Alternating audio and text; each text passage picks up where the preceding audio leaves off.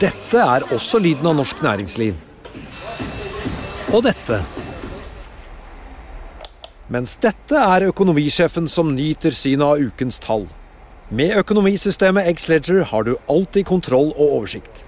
Gå inn på xledger.no. Denne sendingen er sponset av Xledger.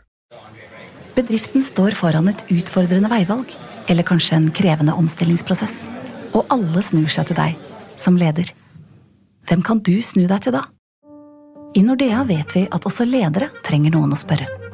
Og at de beste beslutningene tas på et grunnlag av kunnskap, erfaring og ekspertise. Som din bankpartner er vi her for deg med råd og veiledning. For alt fra ansvarlig vekst til viktige omstillingsvalg. Så når alle spør deg, da kan du spørre oss.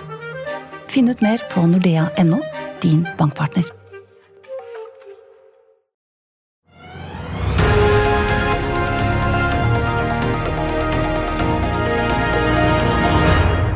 Det var eh, mange som satte kaffen i halsen og måtte rette seg opp i stolen da flere banker eh, plutselig klappet sammen, samtidig som vi også så flere eiendomsaktører komme under et voldsomt rentepress, da særlig i vårt naboland Sverige, i halvåret som vi har lagt eh, bak oss.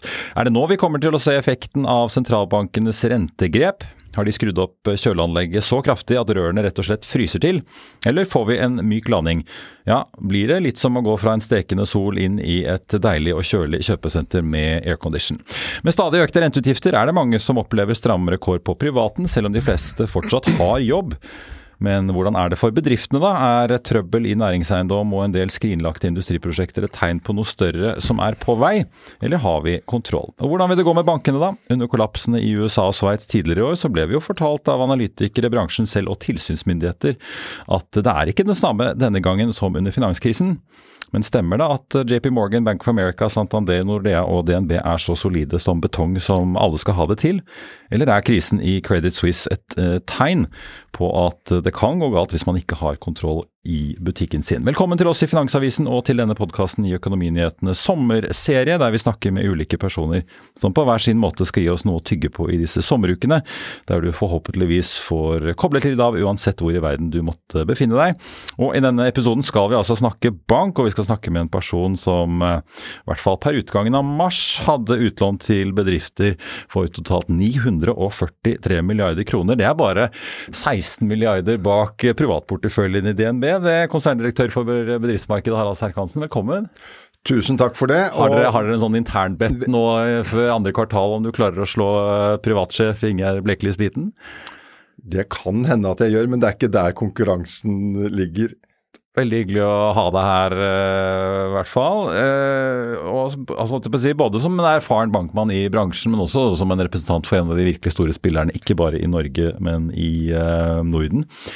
Jeg tenkte, Før vi graver oss ned i materien om næringseiendom og øh, holdt jeg på å si, bilselgere som må gi store rabatter om dagen og alt mulig annet spennende som skjer, skal vi snakke litt om, om hvordan en bank egentlig fungerer for bedrifter. For veldig mange av oss kjenner jo banker på privaten. Vi får boliglån, kredittkort, eh, vi har sparekontoer og kanskje noen aksjesparekontoer og det som er.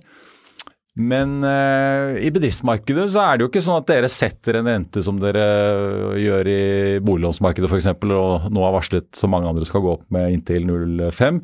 Det er gjerne en referanserente og et påslag. Mm. Forklar litt liksom, uh, hvordan er det dere egentlig finansierer uh, da særlig norske bedrifter? Nei, i, i, praksis så vil jo bedriftene følge samme rentekurven som, som privatkundene, og så er mekanismene rundt det litt annerledes. Um, det som, det som, kanskje skiller bedriftsmarkedet fra privatkundemarkedet, er at det er en større andel som har fastrentelån. Dvs. Si at de har ikke fastrentelån, men de har gjort såkalte rentesikringer, eller derivater, for å, å, ta ned renterisikoen sin. Og det ser vi jo spesielt innenfor kapitalintensive næringer, der man har faste kontrakter, sånn typisk eh, shipping og, og, og næringseiendom. Så har man en ganske stor del av gjelden sikret, uh, sikret rentenivået. Og det er ulike produkter. altså noen, eller De fleste bedrifter har vel en eller annen form for kassakreditt. Så har du jo tradisjonelle banklån altså til bedriftene. Og det er også obligasjonslån. Kan du si litt om hvordan ser egentlig fordelingen ut uh, hvis du, ja, av disse nesten 1000 milliardene dere har lånt ut? Da, hvordan er liksom fordelingen mellom de ulike liksom, løsningene dere tilbyr? Den største andelen av dette er jo vanlige såkalt uh, termlån, eller uh, altså trukne, trukne lån. Uh, vi har også ganske store backup-fasiliteter, såkalte RCF-er, Revolving Credit Facilities, på, på, på, godt norsk. Det er ingenting med våpen å gjøre, nei. Som, som, som, som, fungerer som en trekkfasilitet for, for, større selskaper, gjerne. Som mange mye det samme som det effekten som en kassakreditt har for, for mindre selskaper selskaper, og, og som også fungerer som en beklager terminologien, men som en backstop da for selskaper som finansierer seg i obligasjonsmarkedet, hvis det markedet skulle, skulle tørke ut. Er det store endringer i denne miksen nå Gitt at vi tross alt siste året, som eh, den amerikanske ja. sentralbanksjefen har sagt ja. om, eh, de, de, i hvert fall har økt eh, sitt rentenivå med 5 prosentpoeng? Ja. Det er et veldig godt spørsmål. Det er noe vi følger tett. fordi det er klart det er jo en, hvis, hvis man får stor økning i trekkene på kassakreditter f.eks., så, så, kan, så kan jo det være et tegn på, på, på generelt svakere likviditet hos bedriftene. Da ringer dere gjerne vi, for vi har ikke sett, ja. sett, noen vesentlig forskyvning mellom disse forskjellige låneproduktene. Og så er det kanskje noen enkeltsektorer hvor du kan se se større trekk på kassakreditter, men så har du også eller på såkalte revolverende trekkfasiliteter. Ehm, men så har du også sesongvariasjoner på disse trekkene, Så det er, men det er ikke noe entydig bilde. Du sa jo det at bedriftene ofte følger i praksis rentenivået som man ser i privatmarkedet, men gitt at det da ofte er Nibo-renter, Libo-renter, litt avhengig av om man ser på norske eller britiske referanser eller amerikanske referanserenter. Eh, følger, følger, vi liksom rentejusteringene som skjer i, Frankfurt og London og Washington mer enn nede på bankplassen i Oslo? Ja, du kan si at nesten halvparten av utlånene våre i bedriftsmarkedet, i hvert fall mot de større kundene, er jo i utenlandsk valuta. Så Sånn sett så blir jo våre kunder påvirket av rentenivået i i mange land. Eh, de største valutaene, dollar er jo størst. Svenske kroner, eh, euro og, og, og pund eh, ca. I, i, i, den rekkefølgen. Så det er helt riktig. Liksom når det gjelder mekanismene rundt dette, her, så betyr det egentlig bare at de, de, de, kunden velger en, en, en, en, periode for lånet sitt, typisk tre eller seks måneder, da, og så, og så låses da renten i den tre til seks måneders perioden opp mot tre til seks måneders renten i den relevante valutaen, og så rulles dette lånet på nytt da, i en ny såkalt renteperiode. Så i praksis, og i hvert fall for veldig mange bedrifter, så vil på en måte ikke beslutningen Norges Bank egentlig ha så mye å si. Det handler mer om hva ECB og Fed og Bank of England gjør. Det kommer an på hvilken valuta du har, ja. har, har valgt å låne i. Og så er det jo også selskaper som da på, på toppen av dette gjør, gjør um, valutasikringer, slik at bedriftene har jo et mye større spekter av produkter å spille på for å, å balansere risikoen sin, både valutarisiko og, og renterisiko, enn det normale per, personkunder har. da. Du kom jo til DNB i 1998. Du har vært på toppen av bedriftsdivisjonen, hvis jeg kan kalle det det, siden 2013. Eh, du har også vært leder for shipping, eh, og du har også jobbet i Stolt-Nielsen Oddfjell tidligere. Når du ser den kraftige renteøkningen som er, da, eh, og det som tross alt har skjedd tidligere år, som jeg var inne på i introen, er, det, er du bekymret? Nei, jeg tror på mange måter at det er en sunn, sunn korreksjon. Det er klart at uh, tilnærmet nullrente, eller til og med negativ rente, som man så i, i mange land, det er ikke, det er ikke et, et, en sunn tilstand. Og hvis man ser på, på, på, renten i et historisk perspektiv, så er vi jo nå på et normalnivå. For å være veldig nerdete, fra 1820 til 1938 så svingte renten mellom 3 og, og, og 4% Så vi ligger nå liksom innenfor det intervallet som er, er en slags historisk normalrente som bank, da, så er det jo veldig, veldig, veldig mange analytikere som følger uh, både DNB og andre i bransjen, så har jo de bare smilt uh, det siste året, egentlig. For de snakker jo om da, at rentemarginene deres uh, øker jo fordi ja, utlånsrentene øker fortere enn innskuddsrentene. Men som bank selv, da, hvordan ser dere på det som nå skjer? Er, ser dere på en måte dette, den utviklingen med så økte renter fra nullnivå som noe netto positivt? Er det en veldig kortvarig på en måte boost dere får, eller? Det virker i hvert fall fra regnskapene som det går veldig bra. Det er klart, uh, klart uh, det går bra. Det er et uh, sammensatt bilde. Jeg har bare lyst til å understreke at det skyldes ikke mangel på nei, mangel på konkurranse eller, eller ublu priser i bankmarkedet. Vi ser jo Danske Bank trekker seg jo delvis ut av det norske markedet, for de sier at konkurransen er så stor at ikke de får, får god nok lønnsomhet. Når det gjelder, når gjelder rentenivået, så følger vi jo dette utrolig tett. Eh, det er klart at 30 år med fallende rente reverseres nå. Og, og vi, følger, vi, har 240 000 bedriftskunder, så vi har liksom fingeren på pulsen på det som skjer i, i norsk økonomi. Og foreløpig så må jeg si at de aller, aller fleste kundene innenfor de aller fleste bransjer, de klarer seg overraskende bra. Og det skyldes jo dels den omstillingsevnen som vi ser hos, eh, hos kundene våre, og så skyldes det dels at, eh, at, norsk økonomi liksom totalt sett er i en unik posisjon og, og veldig robust, både på statsnivå, på bedriftsnivå og på, på personnivå. Hvis man ser på boliglån, så er det jo ofte mange som snakker om rentenivået man så på 80-, tidlig 90-tallet. Men så påpeker også mange at vi har mye mer gjeld nå enn den gangen, så at vi trenger et lavere rentenivå for å få det samme presset på husholdningene. Har dere i bedriftsavdelingen eller bedriftsdivisjonen i DNB et eller annet sånn magisk tall på hvor høyt rentenivået kan bli før dere begynner å nå et slags smertepunkt for på en måte kundemassen som helhet? Jeg skjønner mm. Det er store selvfølgelig individuelle forskjeller her, men, men det, nå er vi jo på 3,75 i Norge. USA ligger på drøye 5% styringsrente. Har dere liksom et sånt tall hvor dere tenker at da blir det, begynner det å bli liksom en høy belastning på kundemassen? Nei, Vi har ikke noe, noe, direkte tall på det, og jeg tror det kommer veldig an på, på hvilket, hvilken sektor du, du, ser på også. Det jeg kan si er at Når vi stresstester eh, porteføljen vår, så tar vi som regel utgangspunkt i en 5 prosentpoeng økning i, i, i, rentenivå. Og det er klart opp mot, Jeg husker ikke om det var 17% eller var renten toppet i, i 1987, så, så, kan det virke, virke relativt beskjedent. Men, eh, men, jeg tror det er som du sier, jeg tror det er ganske mange andre fundamentale forhold i dag som taler for at vi, vi kommer ikke til å få de ekstremutslagene på, på rentenivå som vi så på, på 80-tallet. Nei, men det er ikke sånn dere tenker at uh, de kan ikke øke så veldig mye mer nå før det begynner å Nei, jeg tror vi er eh, et, eh, et det, Som igjen, igjen, da det kommer an på hvilken sektor du er, men jeg tror fortsatt vi er et stykke fra smertegrensen. Jeg tror kanskje det som blir, blir vel så viktig, er hvor lenge eh, renten blir, blir værende høy. Og, og hvor, hvor, raskt dette går, og hvilke tilpasninger bedriftene klarer å gjøre i, i, i tiden fremover. Er det noen, eh, Før vi snakker om problemene, er det noen eh, bransjer eller uh, kundegrupper hvor det går skikkelig bra?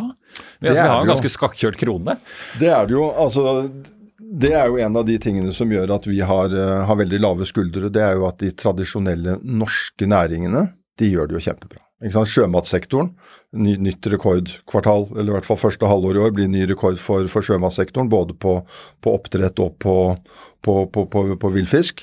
Uh, vi ser shipping-segmentene uh, stort sett går svært bra. Vi ser energisektoren, både, både vannkraft og, og, og, olje og gass, har, har gode tider. Så, så de tradisjonelle norske sektorene, som også er der vi er mest aktive internasjonalt, de gjør det jo knallbra. Men uh, kronekursen, for jeg tenkte sånn på, ja du har jo reiseliv, veldig eksportrettet, litt som du er inne på. da, Du har laks, prosessindustri, uh, det er noen møbelprodusenter på Sunnmøre. Gir det en, en, litt mer langsiktig boost, eller er det en veldig kortsiktig glede at jo, de tjener veldig bra akkurat nå, men det gir kanskje ikke noen varig økning i etterspørselen av disse norske tjenestene og reiselivsbedriftene? Jeg tror det gir en ganske god mulighet til å posisjonere seg. Så jeg tror at hvis vi håndterer dette riktig, så får vi en, en varig effekt.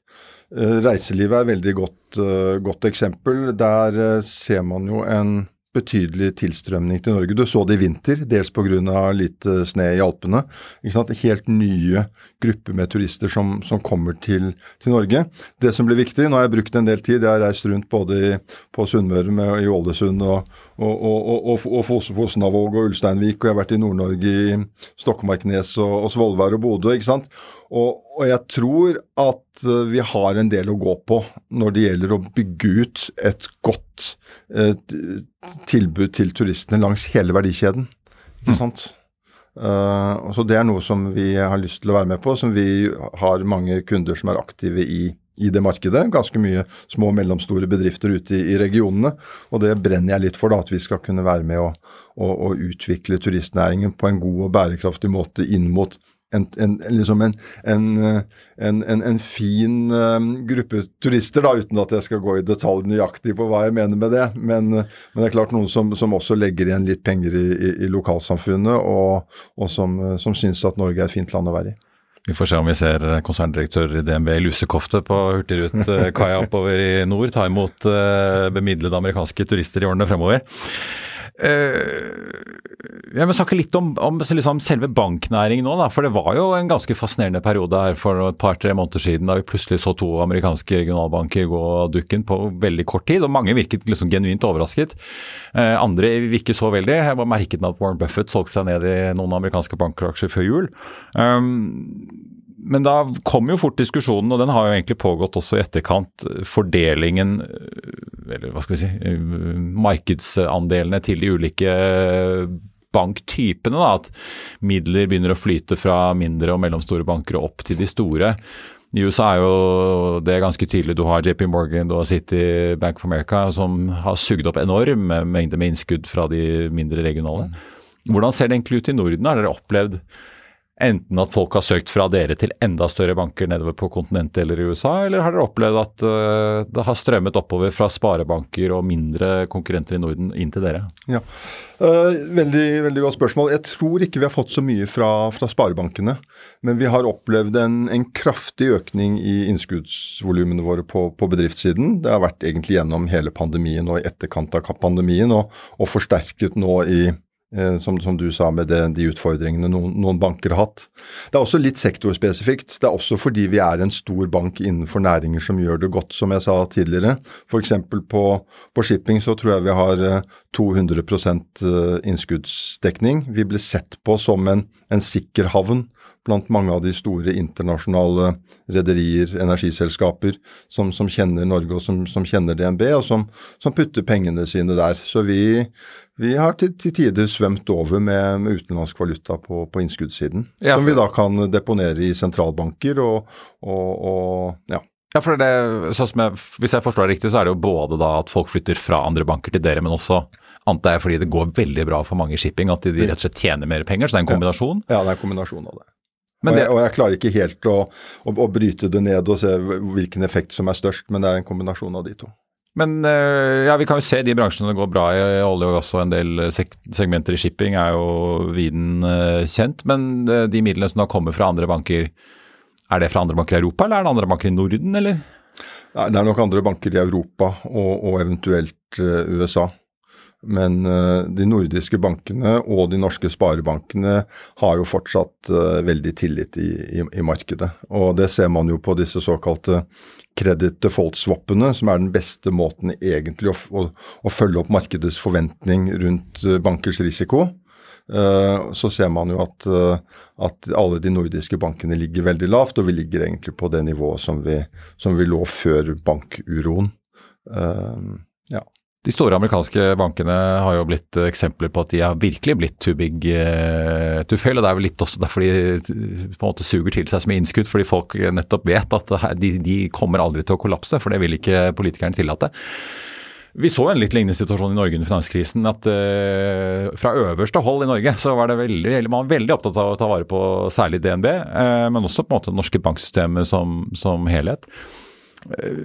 Opplever dere det at dere har en litt sånn om ikke eksplisitt, i hvert fall implisitt, en litt sånn merkelapp eh, at dere er too big to fail i Norge, og derfor også bunnsikker, og dermed også på en måte blir dere attraktive ut mot kunder, som du sier? da? At det, at det bygger seg opp en sånn psykologi i markedet?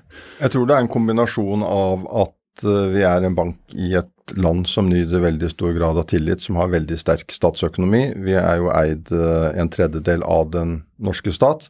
Og så har jo DNB eh, en av de aller høyeste egenkapitalgradene av, av, noen banker i, i, verden. Vi har en kjernekapitaldekning i dag på, på over 18% Vi ligger godt over, over myndighetenes krav på, på, på kjernekapital. Så, så, så, jeg tror det er en kombinasjon av dette som, som, spiller inn. Men det er klart, eh, vi skal ikke, vi skal, skal ikke undervurdere verdien av å være, være bank i et, et land som Norge. Vi skal spørre om det blir eh, svenske tilstander i Norge. Nei, jeg snakker ikke om innvandring, men om gjeldstrøbbel i eiendom. Mer enn det rett etter dette. Hey, I'm Ryan Reynolds. At Mint Mobile, we like to do the opposite of what Big Wireless does. They charge you a lot, we charge you a little. So naturally, when they announced they'd be raising their prices due to inflation, we decided to deflate our prices due to not hating you. That's right. We're cutting the price of Mint Unlimited from $30 a month to just $15 a month. Give it a try at mintmobile.com slash switch. $45 up front for three months plus taxes and fees. Promo for new customers for limited time. Unlimited more than 40 gigabytes per month. Slows. Full terms at mintmobile.com. Dette er også lyden av norsk næringsliv. Og dette. Mens dette er økonomisjefen som nyter synet av ukens tall. Med økonomisystemet Xledger har du alltid kontroll og oversikt. Gå inn på xledger.no. Harald, vi må snakke litt om eh, næringseiendom, som veldig mange har fulgt eh, med på. Vi har jo vært litt i kontakt med disse store I Sverige er det jo mange store børsnoterte svenske eh, eiendomsaktører som mange har vært borte i forbindelse med at flere av de kuppet eller kjempet om å få overta norske Entra for ikke så altfor lenge siden. Nå har jo eh, ting snudd, og særlig SPB er vel eksempelet på hvordan det kan gå med veldig høy gjeldsbelastning, og vi har sett en aksjekurs eh, klappe sammen. Det er vel godt over 90 men vi har også sett noen eksempler her hjemme, særlig på disse altså SPV-ene, enkeltprosjektselskapene som kan eie kontorbygg som Equinor sitt på Fornebu eller Storebrand sitt på Lysaker, som plutselig, i hvert fall i Equinor-eksempelet på Fornebu, plutselig har lavere leieinntekter enn de har renteutgifter. Mm. Kan vi få svenske tilstander også i norsk næringseiendom, eller er det en reell forskjell i oppbygningen, sånn som dere vurderer det? Det er i hvert fall en reell forskjell i, i oppbyggingen. Nå har, vi, nå har vi tilnærmet uh, ingen eksponering mot det svenske eiendomsmarkedet, men vi er ganske aktive på, på kapitalmarkedssiden og kjenner noen av de, de store eierne der. Pluss at uh, det også er norske interesser som, som, som nå ser på å, å gripe mulighetene i Sverige. Ja, så du du kan være med å tilrettelegge obligasjoner eller uh, emisjoner via DNB Markets, men du har ikke så mye direkte lån Nei, til disse selskapene? Nei, vi har brukt litt av vår låne, lånekapasitet for å, for å, være en, en, en, en døråpner og, og uh, kortere, kortere, finansieringer i Sverige for å, for å tilrettelegge for kapitalmarkeds... Transaksjoner, da. Men, eh, og med, med, god erfaring, vil jeg si. Men, men, det som skjer i det svenske eiendomsmarkedet nå, for å komme tilbake til spørsmålet ditt, det er jo til dels drevet at det har vært en annen struktur i det, i det svenske eiendomsmarkedet. Og det er tre store, store forskjeller. Det ene er at det svenske eiendomsmarkedet i mye større grad er finansiert gjennom obligasjonsmarkedet. Jeg tror det er ca. 650 milliarder eh, kroner i, i obligasjonsgjeld. Eh, når det markedet tørker inn, så er det spørsmål i hvilken grad de svenske bankene har kapasitet til å plukke opp de volumene. Det andre er at eh, det har vært stor, stor grad av krysseierskap i, i, i, Sverige, som gjør det vanskeligere å helt se liksom hva som er, er, er nettoverdiene i, systemet totalt sett.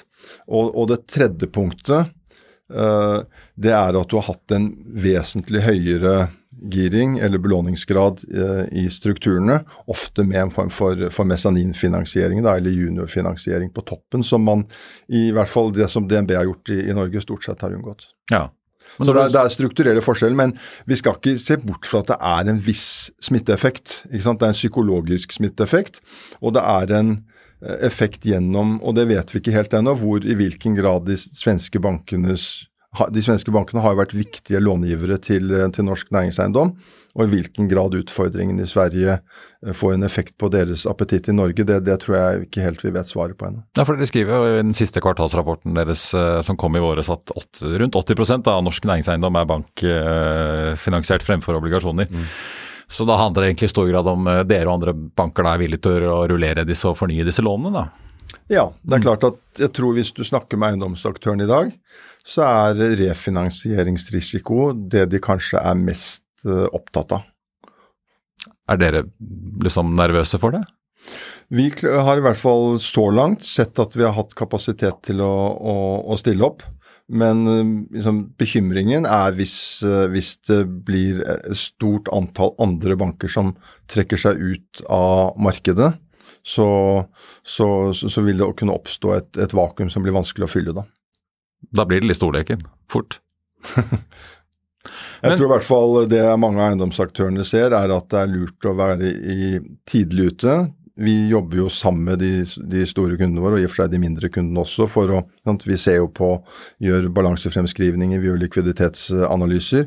Og hvis man ser at du får en utfordring i, i 24-25, så er det like greit å, å starte diskusjonen nå på hvordan man i fellesskap skal finne løsninger som tar oss gjennom gjennom det som kan bli et par litt krevende år, da. Men det, disse to eksemplene er jo litt spesielle, da, med, med Equinor og, og Torbjørn byggene, Men de viser jo likevel hva som skjer hvis man har veldig høy belåning og plutselig får en renteøkning som man har fått, uh, hvor da utgiftene løpende øker ganske betraktelig.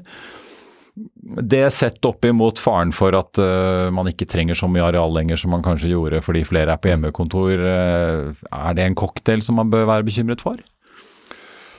Uh, jeg har bare lyst til å kommentere det første du sier først. fordi Eksemplene dine det er jo sånn typiske finansielle uh, strukturer hvor, du, hvor liksom, det er syndikerte dealer. Du har ikke en sterk industriell eier eller familie- eller børsnotert selskap som står bak, og de er også, også giret opp da for å, å Det er et investeringscase, liksom. Ja, investeringscase, ja. så, så, det er litt annerledes enn den eiendomsporteføljen som, som, jeg har oversikt over, som vi besitter, som, som stort sett er uh, langsiktige private eiere og, og, og, og noen børsnoterte eiendomsselskaper. Um, og det, ikke, det, var ikke noe overraskelse at det var de finansielle strukturene som ville få, få problemer først. Når det gjelder spørsmålet ditt om, uh, om uh, liksom endringer i atferd, så er det et uh, veldig vanskelig å gi et godt svar på. vi ser vi har gjort undersøkelser hvor vi ser at et, flertall, et stort flertall av, av, våre de vi har snakket med, de ser at vi har behov for like mye eller mer eh, eiendomsareal i årene fremover. Og så er det klart at ingen har et, et, en, en, god krystallkule i dag. Det som skjer med hybrid arbeidshverdag, de effektiviseringer som kan komme gjennom kunstig intelligens, Uh, det, er, det er et, et, uoversiktlig bilde, men jeg tror det vil ta ganske lang tid før effekten blir stor. Men i en del andre, altså europeiske storbyer hvor folk har lang reisevei, så ser man jo effekten allerede. Du, du, ser det jo i London og New York og San Francisco og ja, absolutt. Paris og så, så vi har et våkent blikk på dette her. Ja, men man trenger jo Ja, det er jo øh, Hvis man ser på langvarig effekt, så kan man jo dra ut på Telenor på Fornebu.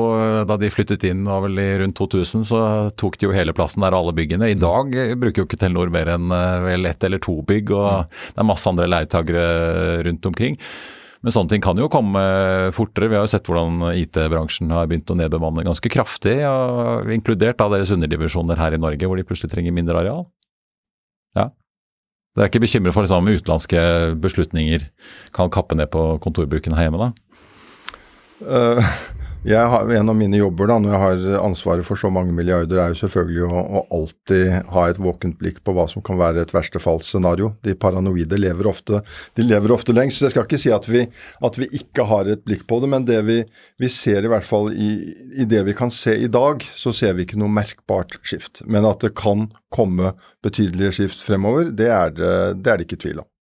En, eh, en, annen bransje som jeg tenkte jeg ville høre med deg om, er jo uh, bilbransjen. Mange hevet øyenbrynene litt da Tesla plutselig kuttet prisene på starten av uh, året. Så har vi jo sett på en måte hva som har skjedd.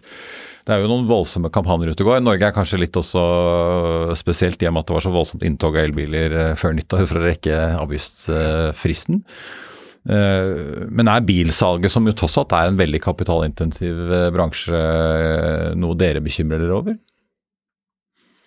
Uh, vi, er, vi, følger det i hvert fall veldig tett. Vi, en, uh, en veldig, vi, er jo veldig tett på hele mobilitetssegmentet. Dels gjennom DNB Finans, hvor vi er en stor uh, finansier av, av, av, av biler. dels fordi vi finansierer bilforhandlere, bilimportører. Så, så, det er et marked vi kjenner veldig godt. Vi ser jo det bildet som, som refereres i avisen. Det er et kraftig fall i nybilsalget, med unntak av Tesla, da, som, som, som har tatt, tatt, over store volumer. Um, vi ser at bruktbilmarkedet holder seg relativt godt oppe, med unntak av de aller dyreste modellene hvor du har et, et verdifall. Mm. Og jeg tror vi skal forvente at dette er jo typisk varige forbruksgoder, som er det som treffes først og hardest i en eh, nedgangsperiode. Så jeg tror vi skal forvente at dette vil fortsette en stund. Men over tid så skal du jo ha en fornyelse av bilparken etter hvert så blir jo hele bilparken elektrifisert, så jeg tror spesielt de som har eh, godt utvalg av elbiler, vi, vi, klarer seg godt når vi bare kommer inn gjennom denne, denne, denne dippen her. Det er jo ikke sånn at folk vil slutte å kjøpe nye biler, men folk utsetter å, å, å bytte bil fordi de er forsiktige med økonomien sin. Er det andre segmenter uh, som uroer? Det var jo sett en voldsom sving i f.eks. en del Varans aktører som fikk en voldsom boost, særlig på alt som har med hus og hjem å gjøre mm. under pandemien, for alle skulle på Maxbo og Jernia og kjøpe maling og, nye havemøbler og det som uh, annet var. Uh, plutselig har det bråstanset for mange, i hvert fall. Ja, det er som du sier, det er, det er hus og hjem. Det er sport og fritid. Eh, og det er elektronikk som, som, som har vært eh, rammet eh, hardest. Men Er det sånn dere forventer konkurser, at mange vil få store problemer, eller er det mer at man må nedbemanne litt, kanskje legge ned noen butikker, skrive ned noen varelagre? Jeg tror jo at mange, mange, av disse har vært gjennom tøffe tider før. De har gjort ganske gode snuoperasjoner. Det er vesentlig mindre gjeld i, i mange av disse selskapene. Eh, men som alltid, eh, det vil være vinnere og det vil være tapere, og jeg tror vi må kunne forvente at noen vil kunne falle fra. Til slutt, eh, Harald, tenkte jeg ville snakke litt om eh, veien mot 2030. Både fordi vi er inne i en litt sånn spesiell periode nå, men dere har jo, eh, som mange bedrifter, også satt dere klimamål. Dere sier jo liksom at dere innen 2030 skal være med på enten selv eller være med å tilrettelegge da bærekraftig finansieringsaktivitet for 1500 milliarder. Så langt per Q1 var dere oppe i 423, har dere summert opp selv i hvert fall. Men er det mange som på en måte vil Vi ser jo at en god del grønne prosjekter enten utsettes er satt på vent, og det kommer også fra store aktører som Equinor, som ikke klarer å regne igjen vindparker eh, plutselig, eller eh, Yara, som ikke klarer å få partnere til å finansiere opp grønne ammoniakkselskaper. Det kombinert med at vi ser at også eiendomssektoren får ganske strenge krav fra Brussel etter hvert nå fremover på energiforbruk og isolering og mye annet. Likevel, når vi ser da den renteboomen som er og alle de kostnadene det legger på mange av kundene dine nå, gjør det at eh, det å nå disse klimamålene blir vanskeligere? Altså det å faktisk, ja. Som også betyr at det, å nå det målet deres blir også vanskelig, rett og slett, fordi at eh, man, man, kan ikke ta seg råd til sånt i dag. Mm. Ja, Du bringer opp veld, veldig mange viktige og interessante temaer. Uh, jeg skulle kanskje delt opp i tre spørsmål. Hvor, ja. hvor, jeg skal, hvor jeg skal begynne. Men jeg, jeg, tror det som utgangspunktet er jo at det grønne toget det går med uforminsket, om ikke styrket kraft. ikke sant? Til tross for krig i Europa, til tross for energikrise, til tross for økonomisk tilbakegang, så, så er er sant, transisjonen, det grønne skiftet, det er på, på topp av timeplanen. Og EU er en formidabel pådriver, og det må vi alle forholde oss til. Det andre er at hvis man skal ha mulighet til å nå eh, klimamål i, Parisavtalen, så trenger man alle løsningene. Det er ikke snakk om å velge, velge, det ene eller det andre. Vi trenger absolutt alt, og vi trenger sannsynligvis uh, vesentlig mer enn det som ligger på, på bordet i, i dag. Eh, og så er jo vårt utgangspunkt eh, igjen da, i, i, tett dialog med kundene våre, at her er det ikke noe, egentlig noe motsetningsforhold mellom etikk og profitt.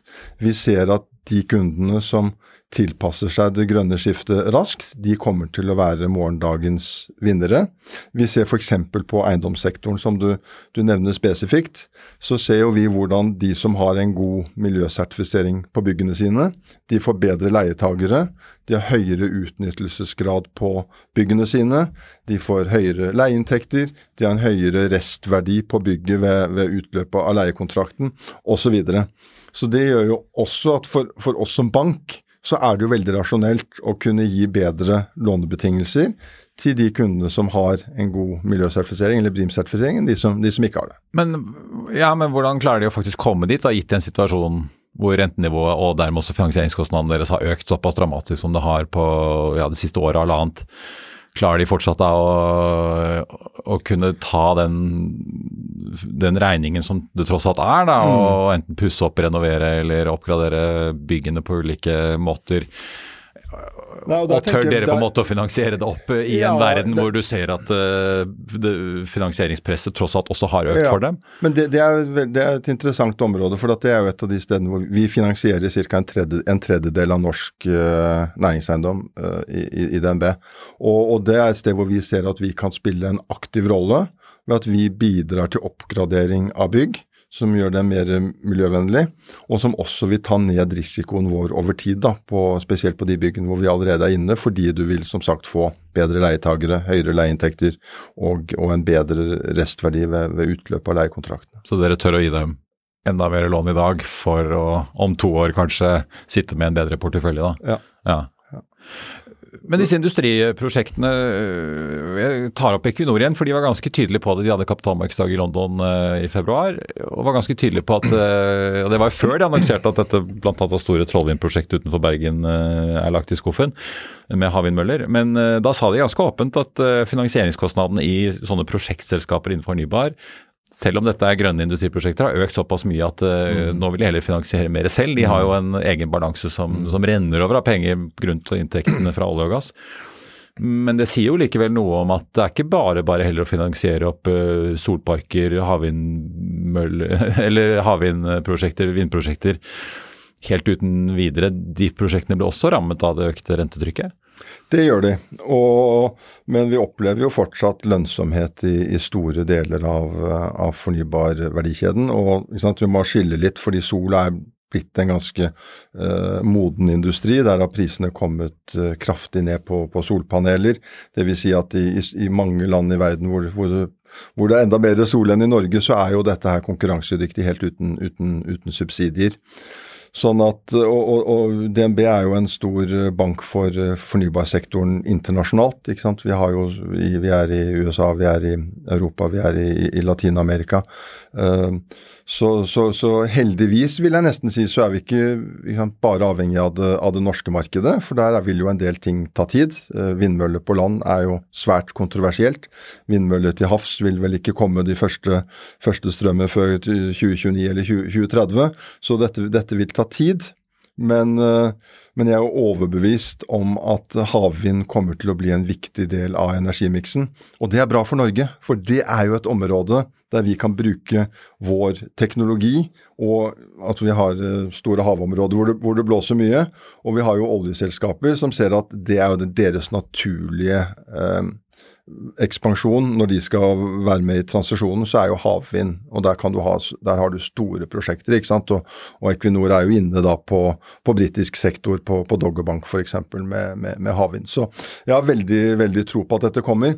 Men samtidig nå snakker jeg litt, nå er jeg litt engasjert, ja, så, så, skal vi ikke undervurdere at det er mange flaskehalser i dette her. Ikke sant? Og Det er derfor jeg sier at vi kommer til å trenge alt, for dette tar dessverre lengre tid enn en vi egentlig har. Det vi ser er jo at uh, du har flaskehalser på, på, finansieringssiden. Derfor så trenger du statlig, statlig bidrag.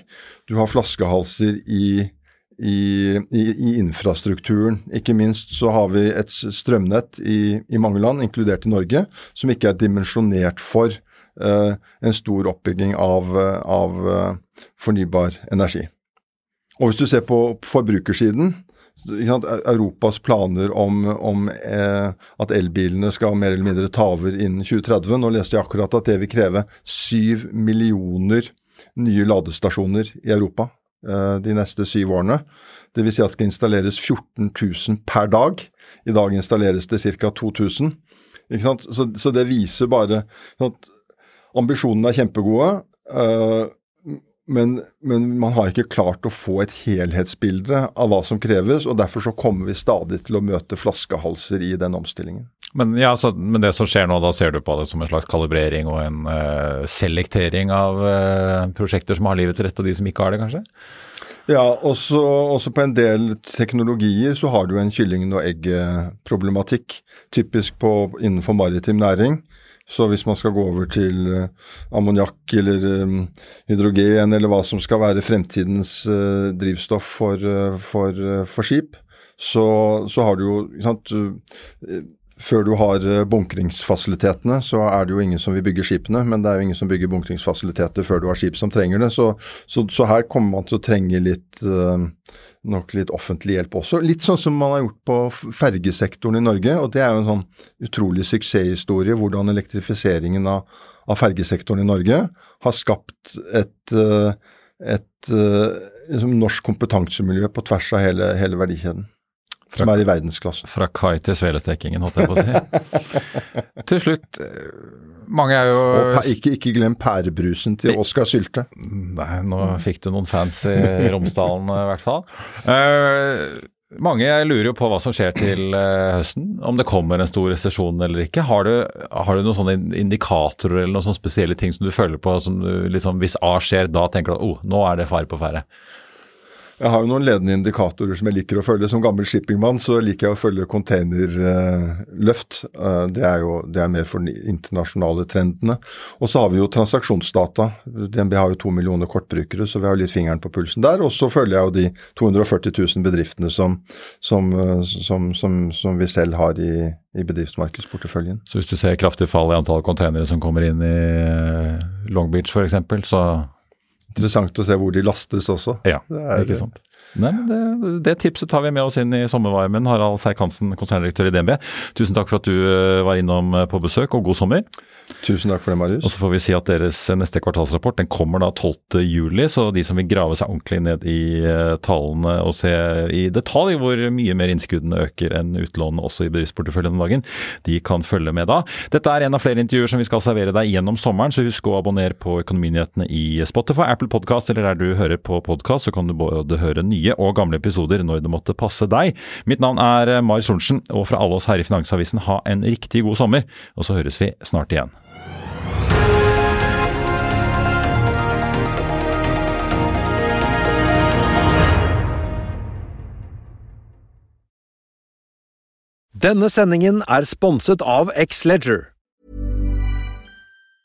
Need to stock up on any weather wardrobe staples? Check out American Giant for hoodies, jackets, sweats, and more pieces you can wear anywhere. All made right here in the USA. Go to American Giant.com and use code ANYSTYLE24 for 20% off your order.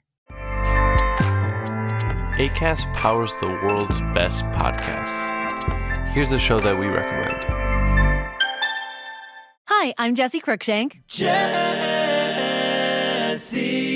Cruikshank. I host the number one comedy podcast called Phone a Friend. Girl, let's phone a friend. Not only do I break down the biggest stories in pop culture with guests like Dan Levy and members of InSync, I do it with my own personal boy band singing jingles throughout. Because it's my show. It's your show, girl. New episodes of Phone a Friend. Yeah. Drop Thursdays wherever you get your podcasts. So work it, girl. Yeah, work it. Okay, that's enough. ACAST helps creators launch, grow, and monetize their podcasts everywhere. ACAST.com. Økonominyhetene er en podkast fra Finansavisen. Programledere er Marius Lorentzen, Stein Ove Haugen og Benedikte Storm Bamvik. Produsenter er Lars Brenden Skram og Bashar Johar. Og ansvarlig redaktør er Trygve Hegnar.